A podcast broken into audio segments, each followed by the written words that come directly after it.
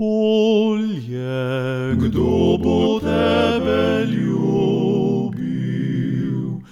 Polje, kdo bo tebe ljubil?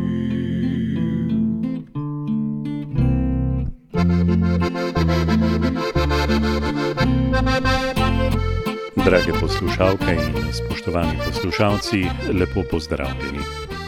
17. oktober je na Kmetijsko-gozdarski zbornici Slovenije potekal letošnji posvet dopolnilne dejavnosti na kmetiji, ki je bil pripravljen v hibridni obliki in so se ga lahko zainteresirani, torej nosilci dopolnilnih dejavnosti na kmetiji, tisti, ki o tem razmišljajo, kmetijski svetovalci in delujoči na področju kmetijstva na upravnih enotah ter v inšpekcijskih službah pravni zastopniki interesov kmetov ter strokovni delavci različnih področji udeležili v živo ali pa ga spremljali prek Zoom povezave. Dopolnilne dejavnosti na kmetijah odpirajo možnost, da se primarna pridelava oplemeniti, z učinkovito izrabo znanja in delovnih moči pridobi dodano vrednost ter odpira možnost zaslužka, ta pa zagotavlja obstoj in nadaljni razvoj kmetij. Tako to področje vidijo kmetje, Kmetijsko-gozdarska zbornica Slovenije in mnogi kmetijski strokovnjaki.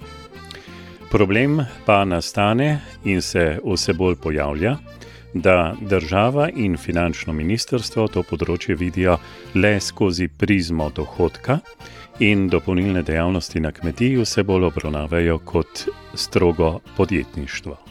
Na letošnjem posvetu so bile tako predstavljene spremembe, ki jih prinaša zakon o dohodnini, ter novosti glede trošarin, ki se tičejo izvajanja dejavnosti v okviru dopolnilnih dejavnosti na kmetijah.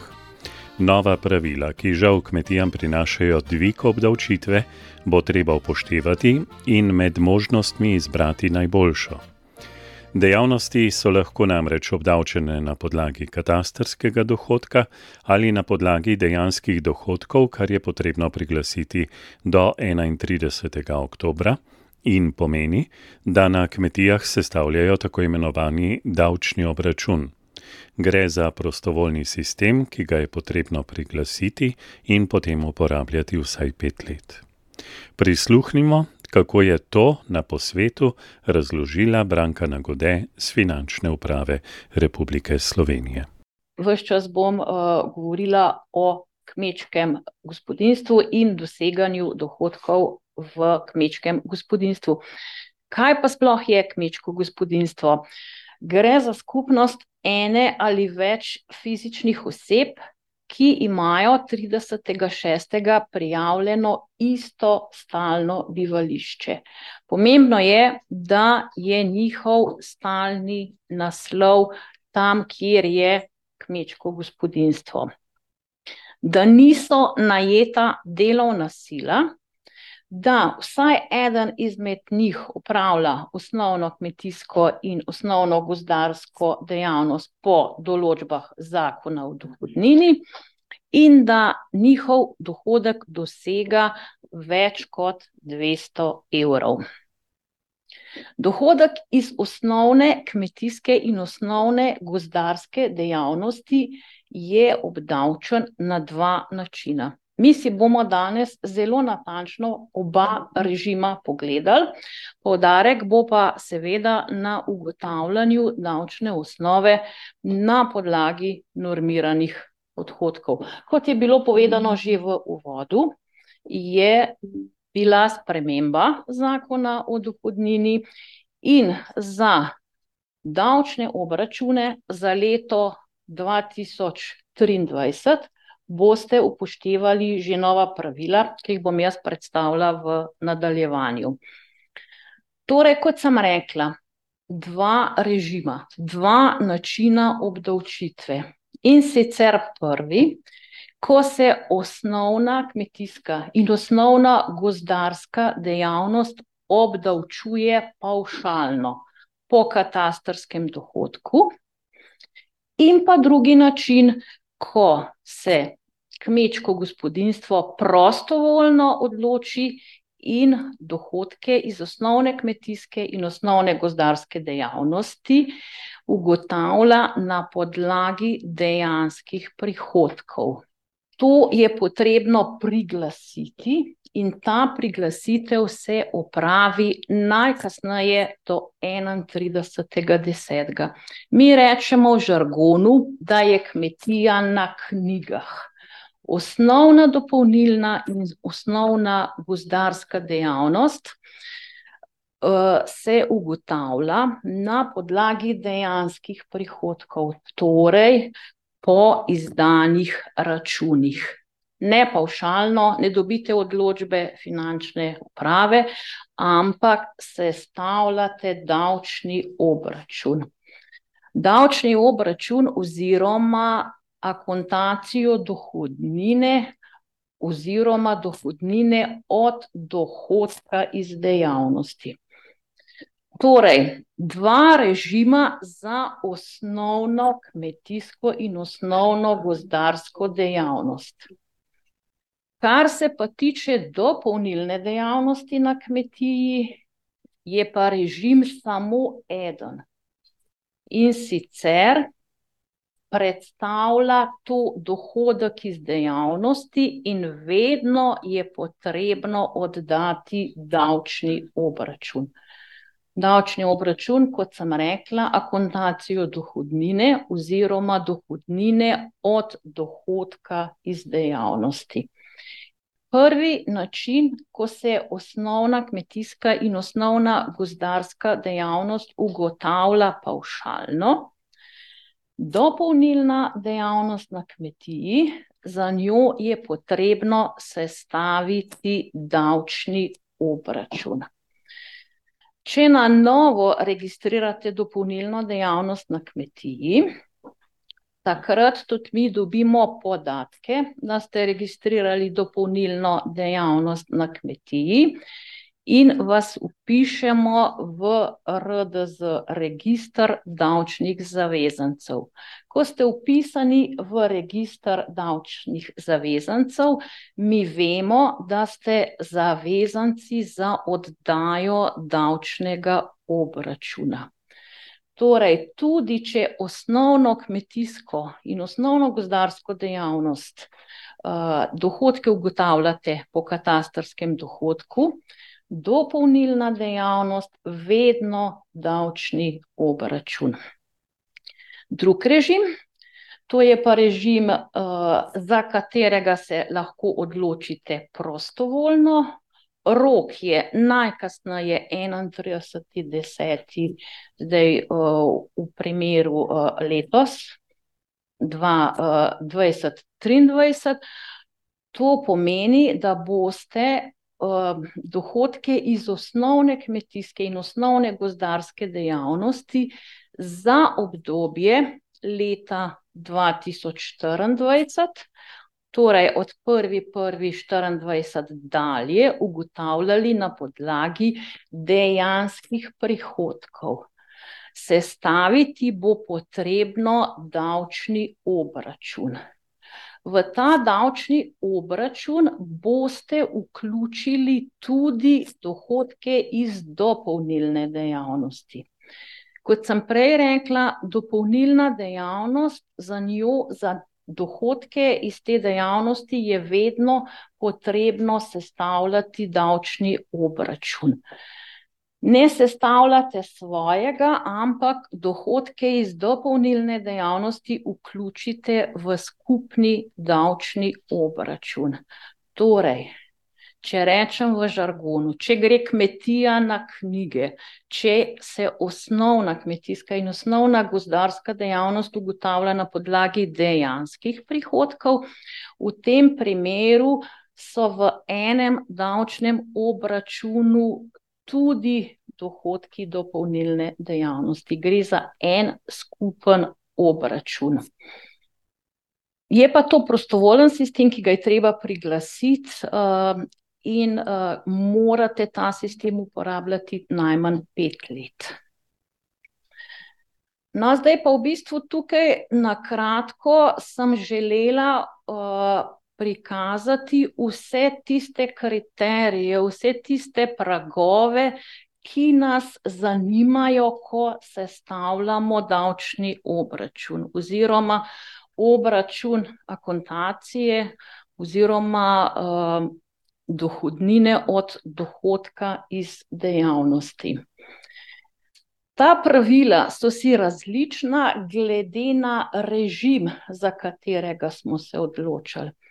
Prvi režim, sem rekla, da se osnovna kmetijska in osnovna gozdarska dejavnost, uh, dohodki iz te dejavnosti ugotavljajo paušalno in samo za dohodke iz dopolnilne dejavnosti sestavljate davčni obračun. Pri tem davčnem obračunu je pomembno poznati kriterije za vstop v normiranost, torej potrebno je preveriti, ali izpolnjujete pogoje, da se lahko odločite in davčno osnovo ugotavljate na podlagi normiranih odhodkov. Potem je tudi kriterij, ki določa višino normiranih dohodkov, uh, normiranih odhodkov. Tukaj je bila sprememba, zdaj imamo dve lestvici, potem so pa še pravila, ki so pomembna. Za izstop iz tega sistema. Torej, če ne izpolnjujete več določenih kriterijev, ne morete več ugotavljati davčne osnove na podlagi normiranih odhodkov. No, tukaj vidimo, mm, da so ti kriteriji vezani na višino prihodkov. In videli bomo v nadaljevanju, da tudi na obvezno zavarovanje. Drugi način, oziroma drugi režim, ko se osnovna kmetijska in osnovna gozdarska dejavnost, eh, dohodki iz te dejavnosti ugotavljajo na podlagi dejanskih prihodkov, enako velja za dopolnilno dejavnost, sestavljate en davčni obračun. Tukaj so pa te kriteriji vezani na nosilca kmečkega uh, gospodinstva in pa člane kmečkega gospodinstva. Pravila so drugačna. Tako je glavne spremembe, ki jih prinaša zakon o dohodnini in nova pravila, ki žal kmetijam prinašajo dvig obdavčitve, predstavila Branka Nagode z finančne uprave Republike Slovenije. Vse skupaj se komplicira, lahko bi rekli, da država dopolnilne dejavnosti že obravnava kot podjetništvo, s tem pa se seveda postavlja vprašanje dejanskega mesta dopolnilnih dejavnosti na kmetijah. Vse, ki se s temi dejavnostmi ukvarjate, vabim, da si pozorno ogledate posnetek posveta, ki vam je na voljo na spletni strani Kmetijsko-gozdarske zbornice Slovenije in se o morebitni priglasitvi drugačnega načina davčnega obračuna čim prej posvetujete strokovnjaki za to področje v okviru javne službe kmetijskega svetovanja. Nadaljujemo z glasbo potem pa se bomo še ustavili ob knjigovodstvu.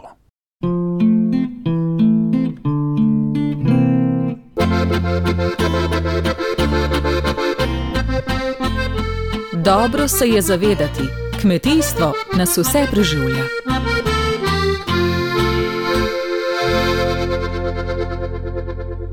Prve dni oktobra je na Ptuju potekala mednarodna delavnica Pačioli o inovativnih pristopih na področju eh, mikroekonomskih baz podatkov v kmetijstvu. Eh, pri FADEN gre za mrežo za zbiranje računovodskih podatkov z kmetijskih gospodarstev, ki naj bi omogočali vse evropski pogled v dogajanje v kmetijstvu. In prav na tem področju se zdaj lahko rečemo obeta razširitev te baze še z drugimi podatki.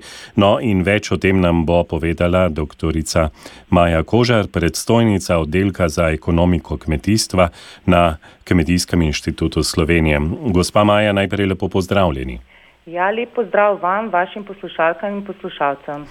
Eh, sistem Faden eh, s to kratico oziroma Faden knjigovodstvo predvsem poznajo tisti kmetje, med njimi je eh, veliko mlajših, ki so sodelovali na razpisih programa razvoja podeželja v minulih letih in so bili potem eh, tudi dolžni nekaj let ta računovodski sistem voditi.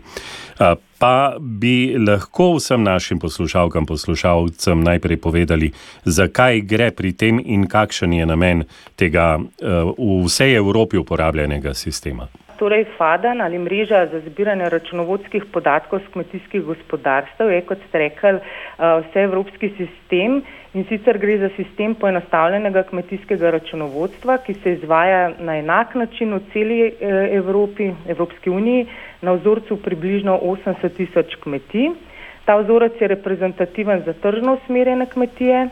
In v Sloveniji v tem vzorcu vsako leto sodeluje približno 900 kmetij prostovoljno, nekatere pa tudi kot obvezniki FADAN, kar ste že sami omenili. Uh, FADAN ima dolgo tradicijo, uh, na evropski ravni je bil ustanovljen leta 1965, v Sloveniji pa so v bistvu prvi začetki tovrstnega računovodstva uh, v letu 1994. Od leta 2004 pa je v Sloveniji ta sistem, se pravi FADAN, harmoniziran z evropskimi predpisi. Um, v okviru FADNA se zbirajo strukturni in računovodski, torej pretežno ekonomski podatki o kmetijah vsako leto. Uh, primarno pa je bil ustanovljen za potrebe skupne kmetijske politike in sicer za analizo dohodkovnega stanja in ekonomske uspešnosti kmetij. Se pa ti podatki zelo veliko uporabljajo tudi za različne raziskave v kmetijstvu in pa za svetovanje kmetijam. Kot sem že omenila, metodologija je enaka v celotni EU in zato je ena od glavnih prednosti uporabe teh podatkov eh, razmeroma enostavna primerjava z, se pravi, recimo z drugimi državami, članicami ali celo regijami v Evropski uniji. Uh, eh, naprimer, kmetija s prirejo mleka v Sloveniji lahko na razmeroma enostaven in hiter način primerja svoje podatke, naprimer različne vrste stroškov z uh, mlečno kmetijo, naprimer v Avstriji ali v neki nemški regiji in to za zelo dolga časovna obdobja. Um, skratka, gre za v bistvu za edini harmoniziran uh, vir mikroekonomskih podatkov, ne se pravi na ravni kmetij v Evropi in ga nekateri imenujejo celo uh, podatkovni rudnik zlata tako kot ste že omenili, a ne sistem FADAN je trenutno pred največjo spremembo doslej tako vsebinskem kot um, organizacijskem smislu. V naslednjih letih se bo preoblikoval namreč v mrežo za podatke o trajnosti kmetij oziroma FSDN. Dodatno se bodo zbirali uh, poda, predvsem okoljski in, in družbeni podatki o kmetijah. Doktorica Maja Kožar, kmetje ta sistem ponavadi vidijo najprej kot dodatno obremenitev. Eh, pa ni bil mišljen tako in potem marsikdo po eh, kakšnem letu, dveh, eh, ko vidi uporabnost, reče, to mi lahko pomaga. Ja, imate prav. Zbiranje eh, tako velikega števila podatkov skozi celo leto običajno predstavlja veliko breme za kmetije, ki so vključene v FADAN, še posebej, če morajo te podatke vnašati same. Um, države članice EU sicer zbiranje podatkov FADAN urejo na različne načine, ne, recimo najbolj tehnološko napredne države, med njimi je recimo nizozemska. Uh, veliko podatkov z dovoljenjem kmetij zbirajo avtomatsko in skoraj v celoti na digitalne načine. Recimo imajo avtomatski zajem uh, podatkov iz sistema izdanih računov za kmetijske inpute, naprimer gnojila, FFS-je. Uh, in, pa, in dodatno, ne, tiste podatke, ki se za kmetije zbirajo že v okviru kakšnih drugih podatkovnih baz, naprimer administrativnih, prav tako z dovoljenjem kmetij povežejo v FADAN. Uh, torej, na, recimo na nizozemskem, ne, FADAN kmetij ne obremenjuje uh, zelo veliko. Uh, V drugih državah, v številnih drugih državah pa recimo zbirajo podatke pretežno kmetijski svetovalci in je to breme za kmetije prav tako manjše. Slovenija ima na tem področju še precej za postoriti, torej, da bi se to breme zbiranja podatkov čim bolj zmanjšalo, hkrati pa kmetijam tudi ponudilo neke dodatne sistemske storitve, ne, da bi lahko prepoznale uporabnost oziroma veliko uporabnost teh podatkov. Ne. To bi naprimer lahko naredili s pomočjo bolj zanimivih prikazov rezultatov ali pa s pomočjo prilagojenega svetovanja tudi v obliki uh, skupinskih oziroma panožnih krožkov, ki so v, v manjšem obsegu že uveljavljeni tudi v Sloveniji. Um, zdaj se pravi, podatki FADEN dajo izjemno bogat, izjemno podroben pogled v ekonomske in poslovne podatke kmetije. Uh, kar je lahko zelo, zelo dobrodošlo pri odločanju in učinkovitejšem načrtovanju kmetijske proizvodne na kmetijah. Ne. Zdaj lahko rečemo, da, da, da uh, v Sloveniji določeni napori v tej smeri vsekakor so, ne, se pravi v, v smeri razbremenevanja kmetij in povečevanja koristi. Se bodo pa mogli ti uh, napori uh, ob prehodu na FSDN uh, še bistveno bolj okrepiti. Morda bi prav zdaj o tem tudi kaj rekla.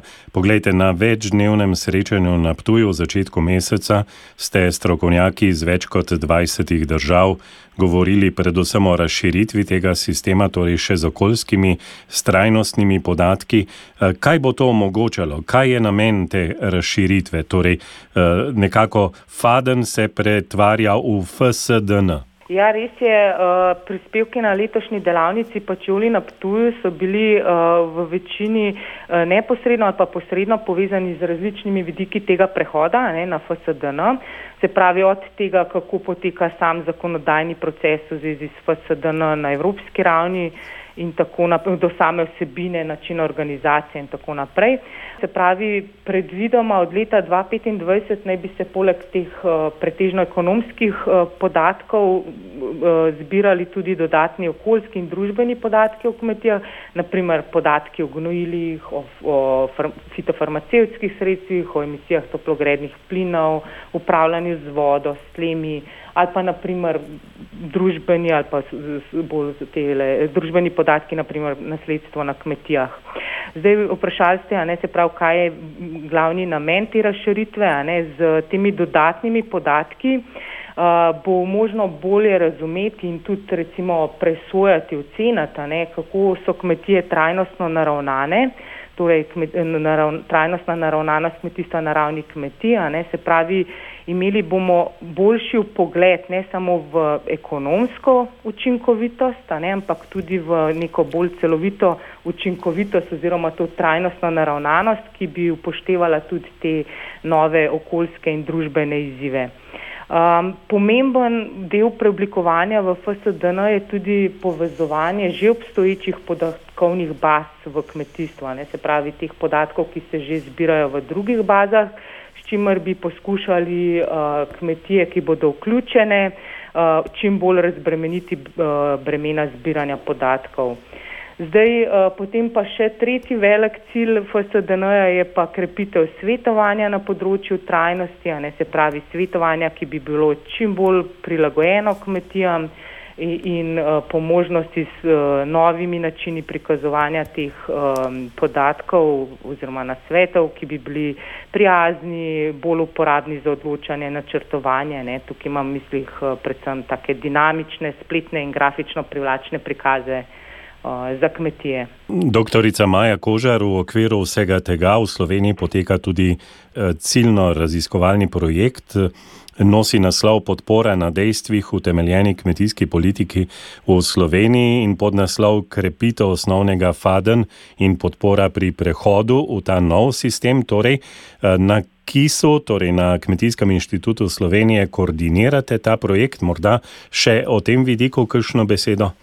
Res je, ta projekt koordiniramo na KIS-u, sodelujeta pa še poleg našega inštituta Biotehnička fakulteta Univerze v Ljubljani in Kmetijsko-gozdarski zavod Kran. Projekt financirata Kmetijsko ministrstvo in javna agencija za znanstveno raziskovalno in inovacijsko dejavnost. Uh, ja, zdaj osnovni namen projekta je, tako kot že naslov pove, ne, se pravi uh, podpora, pravočasna podpora prehodu FADEN, uh, FADEN v FSDN v Sloveniji in to na različnih področjih. Recimo med drugim smo na nekaj kmetijah zbirali tudi del novih podatkov, ki naj bi se zbirali v okviru FSDN-ja in potem sedaj skušamo vrednotiti izvedljivo teh ključnih procesov uh, v, samem, uh, v samem zbiranju in obdelavi teh podatkov, ne seveda v slovenskem kontekstu. Drugi cilj projekta je pa v bistvu prispevati k krepitvi osnovnega sistema FADANA, ne, se pravi, kako določena um, organizacijska ali drugačna oska grla v mreži um, um, odpraviti oziroma omiliti recimo tudi eno od teh je tudi, kako izboljšati reprezentativnost vzorca FADAN. Za konec, eh, doktorica Maja Kožar, glavni organizator srečanja na Ptuju, eh, je morda ena najbolj prodornih kmetijskih univerz na svetu, eh, Univerza Wageningen z Nizozemske. Morda že komentar o tem, sem bil kar začuden. Ja, res je, glavni organizator delavnice Pačoli eh, je res, kot ste omenili, ne, eh, priznana raziskovalna organizacija iz eh, Wageninga, dr. Hans Frulika, ne, ki je uh, eden največjih strokovnjakov in raziskovalcev v bistvu na področju FADAN in tudi eden od idejnih očetov tega koncepta FSDN, ne, se pravi prehoda na FSDN, tako da to je bila iz tega uh, vidika velika čast za Slovenijo ne, in odgovornost gostiti v bistvu to delavnico. Uh, ja, zdaj nizozemska velja tudi na področju FADN, kot sem že omenila, nakazala, ne, za eno najbolj naprednih in inovativnih držav, tako organizacijsko, infrastrukturno, glede uporabe samih podatkov. Ne, tako da je bilo uh, še posebej za slovensko mrežo FADN, uh, spravo ključne deležnike, izjemno dragoceno pogled v te dobre prakse nizozemske, pa tudi skoraj 20 drugih držav, ne, še posebej recimo kako so sistemi uh, organizirani uh, po drugih državah, kako povezuje podatkovne baze, uh, sodobni načini prikazovanja rezultatov za kmetije, svetovanje. Tako da je izjemno, izjemno dragoceno pogled v te najboljše prakse v Evropi na področju FADAN. Kdaj se boste naslednjič srečali, prihodnje leto? Ja, gre za v bistvu pačoli delavnica je letna, tako da predvidamo naslednje leto.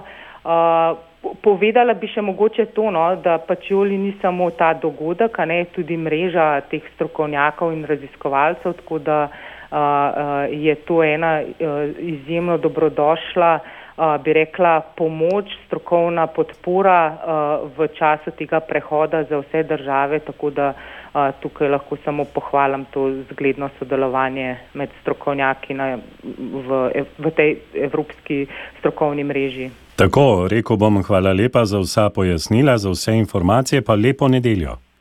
Najlepša hvala in tudi vam lep pozdrav in lepo nedeljo.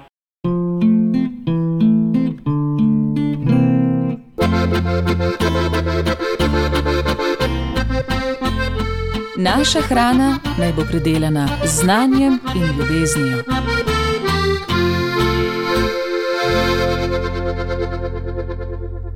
Za konec, spoštovane poslušalke in spoštovani poslušalci, bomo pokukali še v predzadnjo letošnjo številko glasa dežele. Z nami je urednica Darinka Sebenik. Darinka, lep pozdrav. Uh, Robert, en lep pozdrav tebi in pa vsem poslušalcem Radia Ognišče. Tik tak bo tukaj zima, bi lahko rekli, tudi ko gledam, da je to pravzaprav že enajsta številka. Ja, tako kot običajno počasi prihaja zima. Kljub temu pa na kmetijah vemo, da nikoli ne zmanjka dela, posebej tam, kjer redijo živino. Nekoliko manj dela je vseeno na poljih, tako da se bodo začela že iz, zimska izobraževanja. V biotehničnem centru v Strahini so v začetku oktobra že pripravili posvet na temo, kako izboljšati prirejo mleka z upoštevanjem podnebnih sprememb in varovanja okolja. Zasedba dr. Jože Verpič, dr. Branko Lukač, dr. Tomaš Nidašič, dr. Jože Benedičič in magister Tomaš pa je zagotavlja veliko novosti in uporabnih nasvetov za prirejo mesa in seveda tudi mleka. Na kratko smo to predstavili v glasu dežele. Sicer pa mislim, da je še vedno v tem času največja težava pocenjenost kmetijskih pridelkov in uh, dela kmetov. Družba se, kot kaže, še vedno igra na tem področju. Seveda je enako po celi Evropi. Zato Evropsko združenje mlekarjev, na kratko AMB, ustrajajo pri zahtevi po pošteni ceni ali tako imenovano fair milk. In zaslužnim članom, ki sodelujejo, so letos prvič podelili tudi priznanje Zlata krava. Seveda moram povedati, da Slovenija ni član tega združenja, sosedna Hrvaška pa je.